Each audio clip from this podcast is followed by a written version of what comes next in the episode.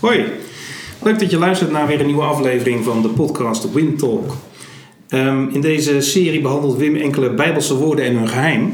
En we zitten zo'n twee dagen voor kerst eh, nu, eh, Wim. En we dachten we moeten het maar eens over het oordeel gaan hebben. Hoe, eh, hoe komen we hier eigenlijk op, op dat oordeel en de toren? Ja, nou ja, jij zei al dat we, ik geloof dat er in het kerstevangelie ook staat, hè, dat Johannes 1 geloof en Johannes 3, als dan, als dan Jezus komt, dat er staat van nou, eh, de- hij kwam eh, en de mensen hebben de duisternis liever gehad dan het licht. En Ja. dat is eigenlijk de toren. Dus kennelijk heeft kerst heeft ook iets te maken met toren op de een of andere manier. En toren is natuurlijk een woord. Toen ik zei eh, tegen Anja, mijn echtgenote, van nou we gaan iets over toren doen. Toen zei ze, hè, het is bijna kerst, dan ga je Ja. niet over toren hebben. Dan moet je juist een beetje positief zijn. Ja. Hè, eh, maar tegelijkertijd, nou ja, goed, eh, hij stond op het lijstje. Eh, dus moeten we het toch maar over die toren hebben. En wat heeft toren nou met kerst te maken? Wat heeft toren met liefde te maken? Wat heeft toren met God te maken? Ja, Eh, nou ja, dat is een beetje de worsteling waar we in zitten, denk ik. Hè? gaan we zo eens induiken. Ja. Voordat we eraan beginnen, eerst nog even een update eh, van je spreekagenda misschien. Wanneer eh, spreek je en waar? Ja, ik spreek de komende keer in ieder geval nog twee keer binnenkort. Eh, op 26 januari eh, vind je me in, eh, in Amersfoort in Link, Amersfoort Noord. Moet je maar eens even kijken. Kerk van de Nazarener is Ja, dat? Kerk van de Nazarener. En op 2 februari ben ik in Horen, dat is de brug, dat is een, een Pinkstergemeente. Dus eh, die twee keer. Ja, en we zitten er ook over te denken, maar goed, daar kunnen we nog weinig echt definitief over zeggen. Om binnenkort eens wat te organiseren als in perspectief. Hè? Ja. Dus daar, eh, Ja. de, de volgende podcast moeten we daar maar eens wat eh, concreter over worden. Ja, Hè, want het is wel erg leuk om, om jullie allemaal weer eens een keer te ontmoeten. dat zou leuk zijn, ja. Hè, een beetje, levende lijven. Een beetje op een persoonlijke manier. Ja. Dus houd de podcast in de gaten, de website in de gaten. En, Ja, doe Facebook in de gaten, daar komt alles wel op. En ook eh, na de kerst, want ik weet dat jij een favoriete after eh, kerst eh, preek hebt. Die je misschien ook nog wel wil opnemen als podcast. Dus, Ja, ik, de, de- eigenlijk de kerst is natuurlijk wel, wel een heel prachtig, sentimenteel, bijna kinderbijbelverhaalachtig element. Maar ja, ik denk dat de Bijbel toch ook nog weer hele andere dingen over kerst zegt. Maar dat is, eh, dat, dat komt ook binnenkort. Die hou je te goed. Ja, Oké. ja. Nou ja, eh, toren en oordeel dan maar. Ik heb er echt zin in. ja, ja. Nou, Vreselijk onderwerp, man. Ja, het, het, het grappige is, ja, dat hebben jullie natuurlijk niet gehoord. Maar net toen we het een beetje aan het voorbespreken waren, hebben we eigenlijk al een hele podcast eh, gehad. Zonder hem op te nemen. Dus Ja. nee, sorry. Die moeten er hiermee echt in doen. discussie. Ja. Eh, nou, misschien wel leuk om eens met een verhaal te beginnen. Ik, eh, je, zult tegen, je zult regelmatig dingen eh, horen die je ook in het boek van Bradley Yessa kunt horen. Zo zoon, zo vader. Eh, de God die als Jezus is. Die heeft al een aantal hoofdstukken, vooral hoofdstuk 10 en 11. eh, als je nog eens aan het boek komt, moet je maar eens goed doorlezen. En die begint met een verhaal. Het verhaal over Van de Hamers. Hij zegt, mijn vader, echt gebeurd, volgens Brad Yeshak natuurlijk. Eh, mijn, mijn vader die had eh, tegen mij en een vriendje van me had verteld, jongens, ik heb, eh, ik heb eh, twee hamers hier in de kamer liggen. En daar moet je echt niet aankomen, want die dingen zijn echt gevaarlijk. Niet aankomen.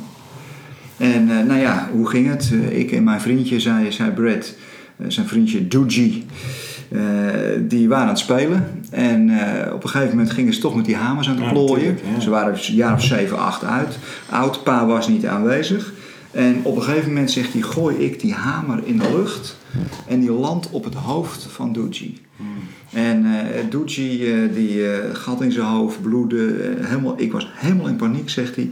Dus ik eh, onmiddellijk naar buiten rennen. En nou ja, uiteindelijk eh, kwam daar eh 112 bij en naar het ziekenhuis. En, en hoe ging het nou verder? Hij zei, ik, werd, ik werd door mijn vader meegenomen naar het ziekenhuis. Doogie lag in het ziekenhuis met een gat in zijn hoofd, moest geopereerd worden. En ik werd meegenomen naar het ziekenhuis. En daar ja, werd ik geconfronteerd met Doogie die daar zwaar gewond lag. Hoe liep het uiteindelijk af? Doogie werd geopereerd. Het kwam gelukkig allemaal goed. En hij zei, ja, zei hij, wat leert mij dat verhaal van die hamers nou over oordeel? Eh, wie veroorzaakte eh, toren eh, bij mijn vriend Doogie? Wie, wie veroorzaakte daar dat er iets gebeurde? Ja, dat was ik. Wat deed ik? Ik deed iets waarvan ik wist dat het niet goed was. Eh, Ik, ik had mij laten verleiden om toch met die, met die hamers te spelen. Wat deed mijn vader? Die nam mij mee en die gaf mij eigenlijk daarmee een stuk verantwoordelijkheid. Ik moest mee naar het ziekenhuis, naar Doji toe. Ik moest zien wat er daar gebeurd was. De consequenties van mijn overtreding, eh, zeg maar de toren die ik veroorzaakt had, eh, was eh, dat die hamer op zijn hoofd viel. Eh, en ik moest mij dan ook ver- verzoenen met het slachtoffer. Ja. Een soort Dus- eigenaarschap eigenlijk. Een soort eigenaarschap. Hij zei dus ja, daar had toren niks te maken met God. Daar had toren, was een soort consequentie. Wat er daar gebeurde, noem het toren, of noem het gewoon de consequentie van wat ik deed, eh, was dat er een gat in zijn hoofd kwam. Eh, en tegelijkertijd kon ik me verzoenen met het slachtoffer, want Doetje en ik maakten het weer goed. Eh, nou, zo beschrijft hij toren. Hij zegt, ja, het is eigenlijk een soort consequentie van datgene wat jij doet, waarvan je eigenlijk wel weet dat het niet goed is om te doen. Het is een consequentie van je afkeren van het goede. Een soort intrinsieke consequentie. Zonder dat je daar nou God aan verbindt. Dus daar, daar begint hij eigenlijk dat, eh, dat, dat gedeelte mee als het over toren gaat. Zonder dat je daar God aan verbindt, zeg je. Zonder dat je daar God aan verbindt. Ja. Oké. Ja, ik wacht nog op een hele intelligente vraag. Oh, fijn dat je dat erbij Ja, hebt. We zitten weer gelijk in de discussie Ja, van net. Ja. Nee, maar waarom is zonder dat je daar God aan verbindt dan? Nou ja, kijk, weet je, eh, in, in de Bijbel, we hadden het net over hoe lees je nou de Bijbel. Hè? Als je nou bijvoorbeeld even naar klaagliederen kijkt, Ja. eh, laat ik die er eens even bij pakken, klaagliederen. Daar, eh, daar wordt Jeremia, Jeremia schrijft dat boek klaagliederen. En dan heb je in klaagliederen, eh, dan zie je, wordt daar op een gegeven moment Jeremia, ik pak hem er even bij hoor, eh, klein boekje voor Ezekiel. In, in Klaagliederen 2, vers 11 staat er dan. eh, Jeremia schrijft daar: Mijn tranen zijn, mijn ogen zijn door tranen verteerd, mijn ingewanden staan in brand, mijn maag keert zich om. Eh, Vanwege de wonden van mijn volk, omdat kind en zuigeling versmachten op de pleinen van de stad. Zo, eh, zo blijven hun moeders vragen: Is er geen brood en wijn? Versmachtend op de pleinen van de stad als gewonden op het slagveld. In de armen van hun moeders stroomt het leven uit hun weg. Jeremia is hier eh, de huilende profeet. En, en hij is daar getuige van. Bijvoorbeeld, moeders eten kinderen op die ze zelf hebben gebaard. Priesters worden gedood in het heiligdom van de Heer. Op straat liggen de lijken van mannen, jong en oud. Of om het nog wat erger te maken in vers 10. Nou, kan het nog erger trouwens. Eh, zachtaardige vrouwen koken hun eigen kinderen die hun tot voedsel dienen in deze tijd van rampspoed voor mijn volk. Eh, nou, als je dan wat verder leest, en nu wordt het spannend. eh, hoe lees je de Bijbel? Dan lees je in hoofdstuk 2 van Klaagliederen, ik citeer even, eh, God die actief aan toorn is. Vers 1 van hoofdstuk 2, hij heeft ter aarde geworden, hij zag niet om. Of vers 2, de Heer verwoestte meedogenloos, in zijn woede vernietigde hij, hij vernederde. Vers 3, in zijn toren heeft hij de macht gebroken. Eh, hij is ontbrand, hij is een allesvernietigend vuur. Vers 4, eh, als een tegenstander doodde hij. Hij goot zijn gramschap uit. Dus volgens Jeremia is God die dat actief allemaal veroorzaakt. Vers 5. Hij heeft vernietigd. Hij heeft de jammerklachten vermeerderd. Eh, of vers 7. Hij heeft in zijn hevige toren verstoten. Eh, vers 8. De Heere wilde vernietigen. Ben je er nog? krijgen wel een beetje. Ja. ja. Nou ja, zo gaat het nog even door. Eh, of vers 21, meedogenlo- me- meedogenloos slacht u hen af. Eh, of vers 22 tenslotte, eh, u riep mijn ergste vijanden bijeen. Op de dag van de toren van de Heer kan niemand ontkomen, niemand overleeft. Nou, dit is, als je dit even tot je neemt, dan is dit een ongenadig, vreed God, een soort tiran. Ja, ga er maar aan staan. Dus de- zo'n soort godsbeeld krijg je dan. eh, dat creëert hier Jeremia. En dan is de vraag, en daar hadden we leuk- net al een leuke discussie over. eh, is het echte probleem misschien heeft wat te maken met onze misvattingen, hoe God aanwezig is. Eh, en eh, is het misschien niet veel meer dat het hier gaat over de consequenties van bepaalde daden van Israël. Eh, en Jeremia, in de manier waarop hij het omschrijft, plakt daar het etiket God bij.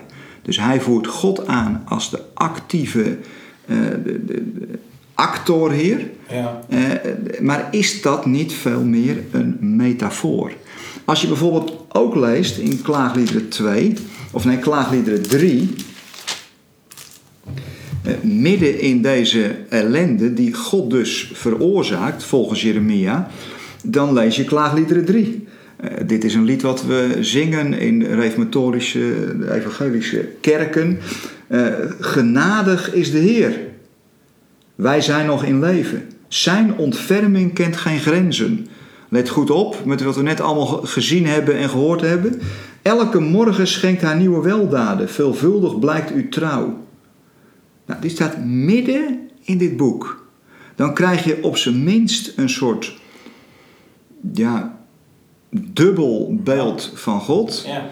Uh, en hoe, hoe interpreteren we een soort deze manische torentekst? Alsof God eh, de, alle remmen gaan los en hij gaat als een wild beest tekeer. Uh, en plotseling staat er: Zijn ontferming kent geen einde, zijn weldaden kennen geen einde. Ja, wat is nou waar dan? Hoe interpreteer je dat nou? Het doet me heel erg denken aan wat je net zei, ook in de discussie hiervoor over uh, boek Openbaring. Hè? Dat je het beeld van Jezus als op het witte paard met die ijzeren knots en die dan het oordeel, het laatste oordeel kon brengen over de wereld. En tegelijkertijd ook dat beeld van het geslachte lam. Ja. Dus ook daar zie je die twee, die dubbele beelden. Ja, en het mooie, tenminste het, het aparte is, kijk, als, als Jezus als een lam wordt voorgesteld, dan zien we dat als een metafoor, als een, als een beeld. Hij is niet echt lam. Hij is niet echt een lam. Hij wordt ergens een lam met zeven horens genoemd. Nou, niemand ziet Jezus letterlijk als een lam met zeven horens. Terwijl als het over oordeel gaat, en over eh, een man op een wit paard die daar met een zwaard iedereen door de minnen klieft en zo. En dan zien we het allemaal als letterlijk. Hmm. dus, dus ook hier bijvoorbeeld, nou ja, in, in klaagliederen, we zien letterlijk, we zien het letterlijk God die, die dit allemaal doet. Ja. En we zien het niet als metafoor. dus, eh, want ja, wie is dat daar aan doen? Dat zijn de Babyloniërs. Uh, dus de Babyloniërs die, die, die, die slachten hier Jeruzalem af. En die Babyloniërs die hebben daar bepaalde redenen voor. want Israël heeft zich op een bepaalde manier gedragen naar de Babyloniërs toe. Waardoor ze komen en, en daar zo meedogenloos tekeer gaan. En je vraagt je bijna af, als je dit nou letterlijk op God van toepassing doet zijn. Al die teksten over oordeel hier. Ja, hebben we het wel over dezelfde God. Als je klaagliederen 3 neemt en je bekijkt klaagliederen 2. En, en, en wat, wat moeten we daar dan mee? Hoe moet je dat dan interpreteren? Nou ja, wat Jeremia natuurlijk wel doet, is dat hij niet dat hij, eh, het, het, het, eh, de toren, eh, alle slechte dingen, alle vreselijke dingen die hij beschrijft, dicht hij aan God toe. Maar ook alle goede dingen. Dus zowel het goede als het kwade, zegt hij hier in Klaagliederen, komt van God. Ja, alleen het probleem wat je daarmee hebt is als je de, de kwade dingen even letterlijk neemt, mhm. dan is er helemaal geen ruimte meer voor die goede dingen. Als, als, als die vernietiging heeft plaatsgevonden, en, bedoel, dan heb je het niet meer over uh, ontferming, dan heb je het over vernietiging. Ja. Eh, plus dat. balans zeg je. Dat is nee, en plus dat je natuurlijk, hoe kun je ooit een God vertrouwen? Die zomaar opeens ook. Die dit soort vreselijke dingen doet actief, eh, hoe kun je hem ooit nog vertrouwen? En eh, bedoel, dan wordt het een, een soort vaderbeeld, een soort onbetrouwbare vader die de, die de ene keer heel aardig is en je over je bol aait, en de volgende keer uh, je zusje verkracht. Dat is desastreus voor je. Uh, bedoel, en, en ervoor zorgt keihard, je keihard door de kamer heen ramt. En dan zegt van, maar ik doe het uit liefde voor je dan krijg je een heel verknipt beeld. ik, ik, eh, als je, als je die, op die manier letterlijk de Bijbel leest. Maar waarom zegt Jeremia dat dan? Nou ja, kijk, ik denk. kijk, delen van de. Ik denk, ja, nu denk ik hardop en Ja. nu ben ik aan het zoeken naar woorden. Eh, kijk, ik denk, je hebt een bepaalde ontwikkeling in de Bijbel. Ja. Je hebt eh, eh, een ontwikkeling ook in, in, in Gods, hoe, je- hoe je naar God kijkt. Ik denk, de, kijk, de Bijbel is Gods woord, ja. Maar de Bijbel is niet als een soort mechanisch geheel uit de hemel op aarde verschenen. Als een soort handboek van, van alles wat hierin staat, zegt wie God is. Ik denk, de, de, de- er, is een, er heeft een ontwikkeling plaatsgevonden. Eh, Jeremia eh, beleefde dat op deze manier. Ja. Eh, maar tegelijkertijd zie je al een doorkijkje, wat, wat, wat Jeremia ook geeft, eh, van het echte karakter van God, om het zo maar eens te noemen. Dat hij het heeft over eh, Jeremia, genadige is de Heer, zijn ontferming kent geen grenzen, hij schenkt nieuwe weldaden. Dat is eigenlijk behoorlijk in tegenspraak met elkaar. Ja. Je- zegt eh, dus het beeld van God, hoe, hoe we God leren kennen, dat ontvouwt zich gedurende de, de Bijbel eh, eigenlijk tot aan Jezus, waarin Ja, het- Jezus het echte beeld van God is, zeg maar. Ja, ja, langzaam wordt er meer zichtbaar van wie God is. En, en je ziet wel steeds doorkijkjes. Dat, eh, dat ondanks dat Jeremia dat allemaal op God plakt en hem Ja. actief laat optreden, dan komt er plotseling dat doorkijkje. eh, Van eh, genadig is de Heer, zijn ontferming kent geen grenzen.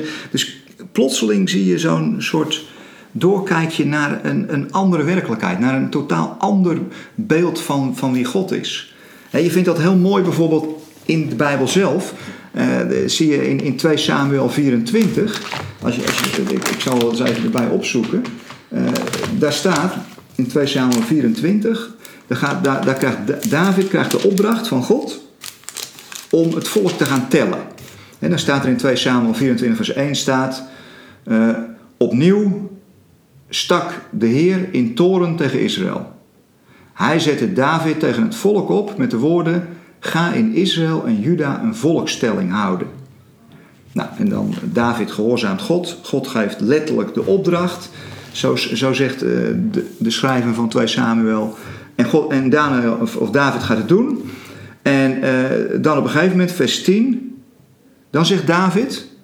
Toen het tot David doordrong wat hij had gedaan, sloeg de schrik hem om het hart. En hij zei tegen de Heer: Ik heb ernstig gezondigd met mijn daad. Ach, Heer, vergeef uw dienaar zijn zonde. Ik ben een dwaas geweest. Dus hij heeft de opdracht van God gekregen. En in vers 10 heeft hij berouw over wat hij gedaan heeft. En hij zegt: Ik heb gezondigd.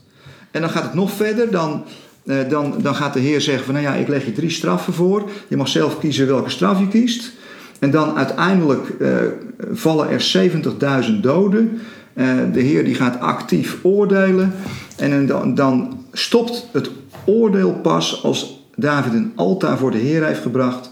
En brandoffers en vredeoffers heeft gebracht. En dan staat er in vers eh, 25: Daardoor liet de Heer zich ten gunste van het land vermurmen. En werd Israël van de plaag verlost. Ja, nadat er 70.000 doden waren gevallen.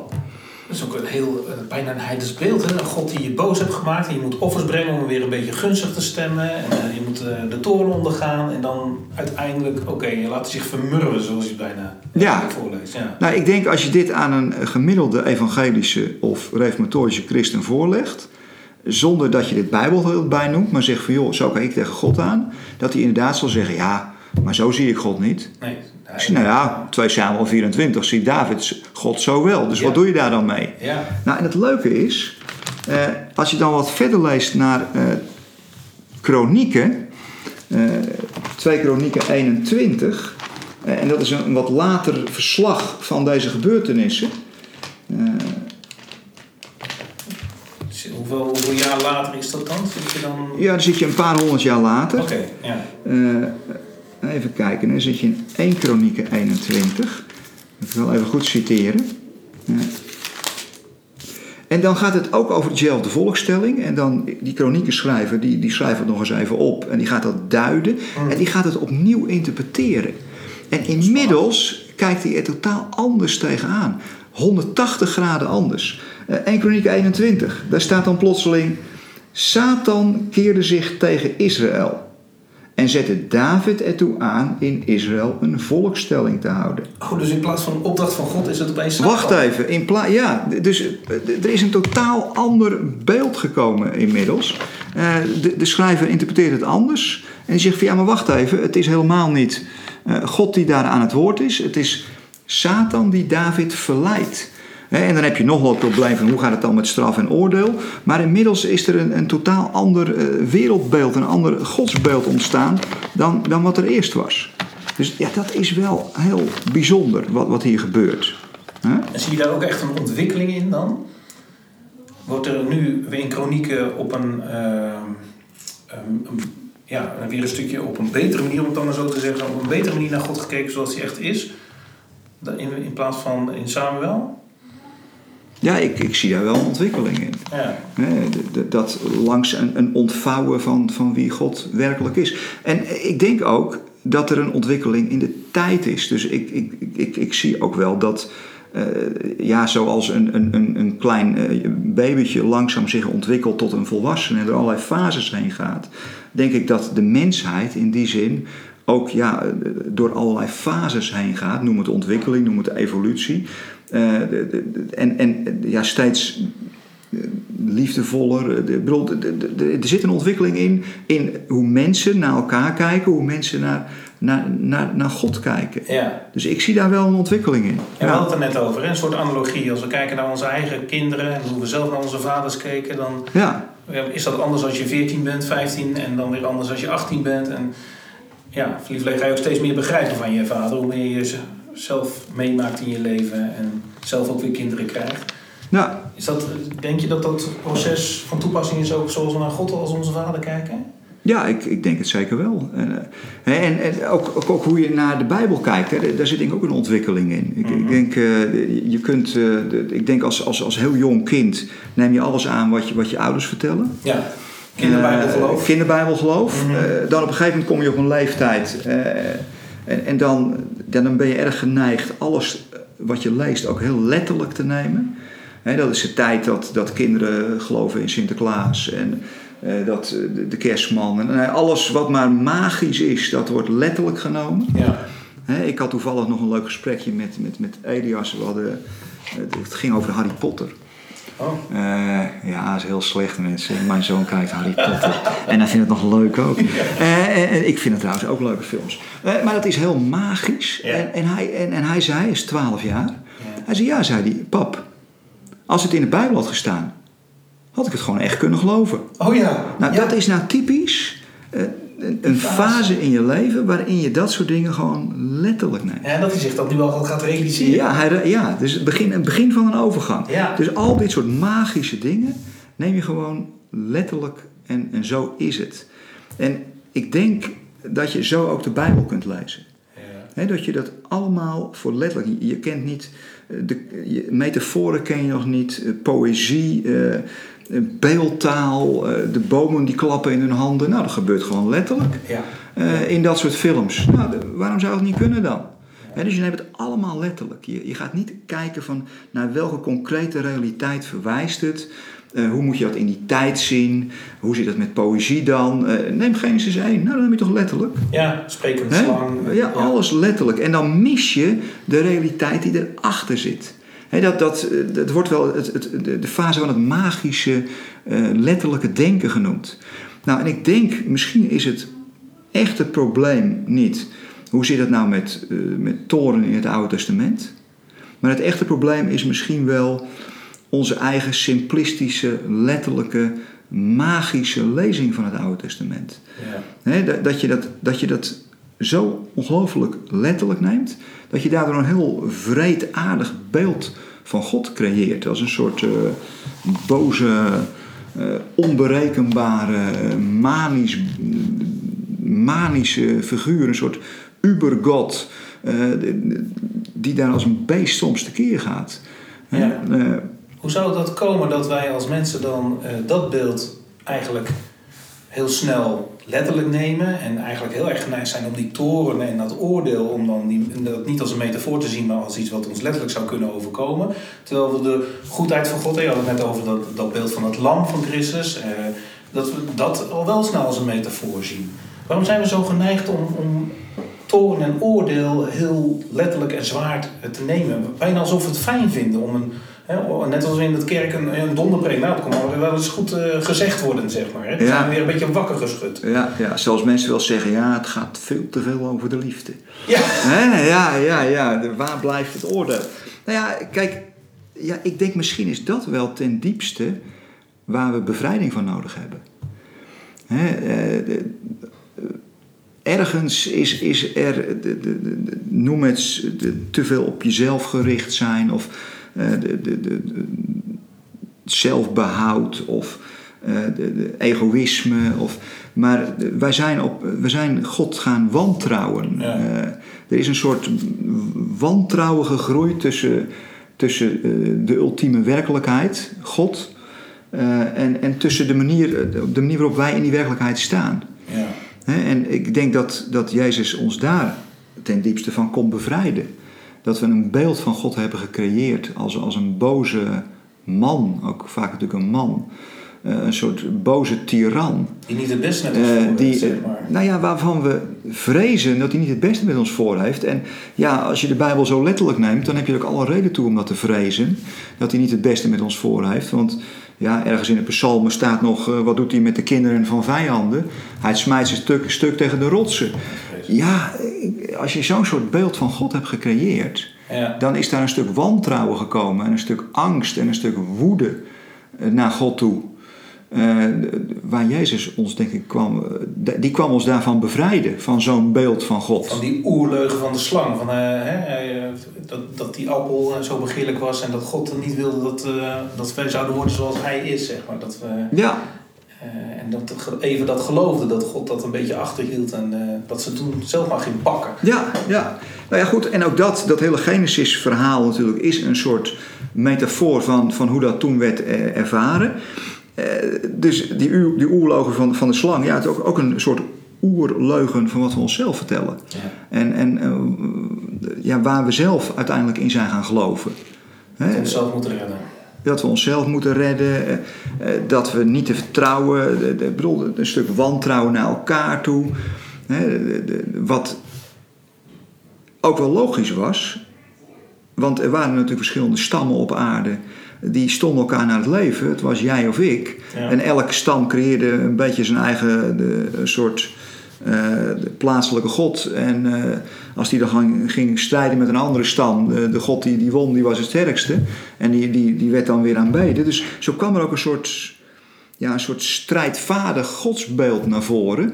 Uh, en, en, en de god van Israël, die eerst door de Israëlieten ook als een soort stamgod werd gezien, die ontpopt zich steeds meer als een universele God. Mm. de, de, de, Abraham in Genesis 12, die op een gegeven moment uh, de belofte krijgt: In jou zullen alle geslachten van de aardwonen gezegend worden.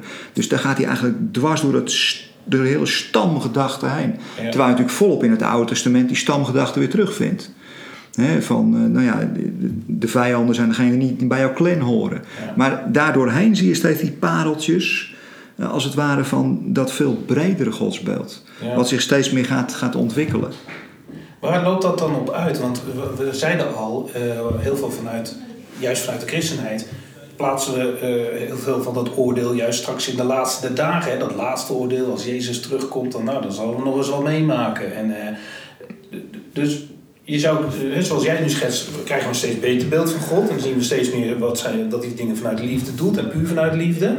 Maar toch zijn we wel heel erg geneigd om te zeggen: ja, maar straks komt er nog wel een moment waarop dat oordeel nog eens even flink uh, plaats gaat vinden. Nou, weet je, ik vind eigenlijk, hè, want we zijn al een tijdje bezig. Ja. Volgens mij moeten we gewoon even een punt gaan. Je weet het antwoord niet, hè? Je gaat ik, uh, ik ga er eens even rustig over nadenken. Heel goed. Maar uh, ik, ik denk voor nu hebben, uh, hebben jullie al aardig wat voor de kiezer gekregen. Ja. ga, eens even, ga eens even rustig nadenken over ja, hoe lees ik de Bijbel nou eigenlijk? lees ik hem letterlijk, lees ik hem magisch? Uh, zouden dit soort dingen een metafoor kunnen zijn? Daar moeten we misschien de volgende keer nog eens even op inspringen. Mhm. Ik heb het nu wel even gedropt, maar zijn er ook redenen vanuit de Bijbel om aan te, om aan te nemen dat dit misschien wel metaforen zijn? hoe zit het dan met het actieve oordeel van God? Uh, kun je dat zomaar een metafoor noemen of verberg je dan achter de waarheid? Uh, zullen we daar de volgende keer eens over op ingaan? Laat het even lekker rustig bezinken. Ik wens je nu alvast een goede kerst. En eh, dan zien we elkaar weer, eh, horen we elkaar weer in het nieuwe jaar. Prima. Tot de volgende keer. Alle goeds.